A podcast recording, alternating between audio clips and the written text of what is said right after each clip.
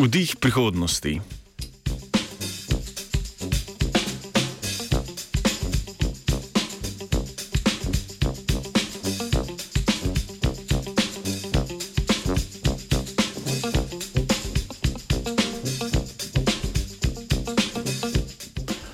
Vrtenčari, ki se preživljamo z dihanjem zraka, imamo krvožilni in pljučni sistem. Oba pa sta prepletena v kompleksno mrežo. Preplet omogoča nemoteno prehajanje molekul z enega sistema na drugega in obratno. Z metodo 3D printinga so na Rice Univerzi v Teksasu predstavili model žilnega sistema, ki se prilagaja dihalnim potrebam pljučnega sistema. Za grajenje tkiv so uporabili metodo 3D printanja, imenovano stereolitografija. To je tehnologija, s katero z uporabo fotokemičnega procesa gradijo enojne sloje hidrofilnih polimerov.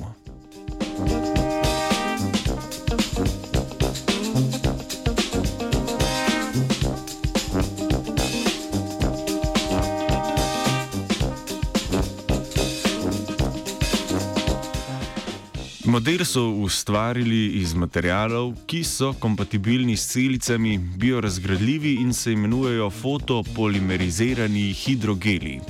To so hidrofilni polimeri, ki se začnejo sestavljati ob vplivu svetlobe.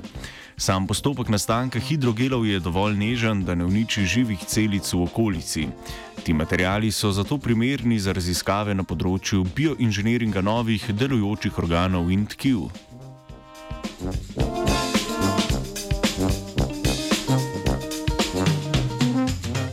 Veliki ziv je predstavljal kompleksen preplet med krvožiljem in pljuči. Žile morajo imeti določeno raztegljivost, da sledijo vdihu in izdihu, poleg tega pa morajo biti dovolj prepustne, seveda, da prihaja do izmenjave plinov.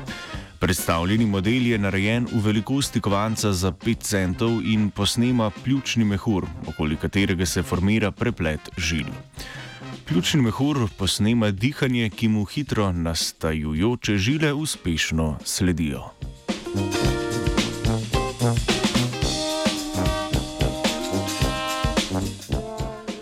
Notranji enojni sloj modela posnema tudi notranjo zgradbo žile. Pretok krvi usmerja dvodelna zaklopka znotraj žile, ki preprečuje, da bi kri tekla na nasprotno smer. Izmerili so tudi uspešen prenos kisika na rdeče krvne celice, najprej na modelu v obliki vijačnice, na to pa tudi na modelu, ki posnema obliko pljučnega mehurčka in mreže kapilarno. Kapilarno mrežo so okoli pljučnega mehurčka tridimenzionalno zgradili iz 185 žilnih segmentov.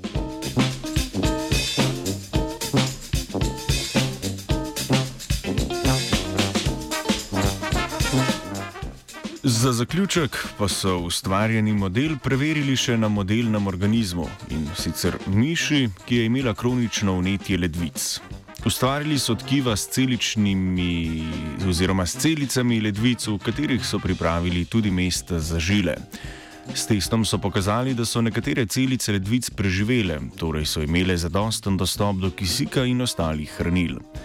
Tako so razvili metodo, ki bi v prihodnosti lahko ohranjala pri življenju tudi transplantirane organe.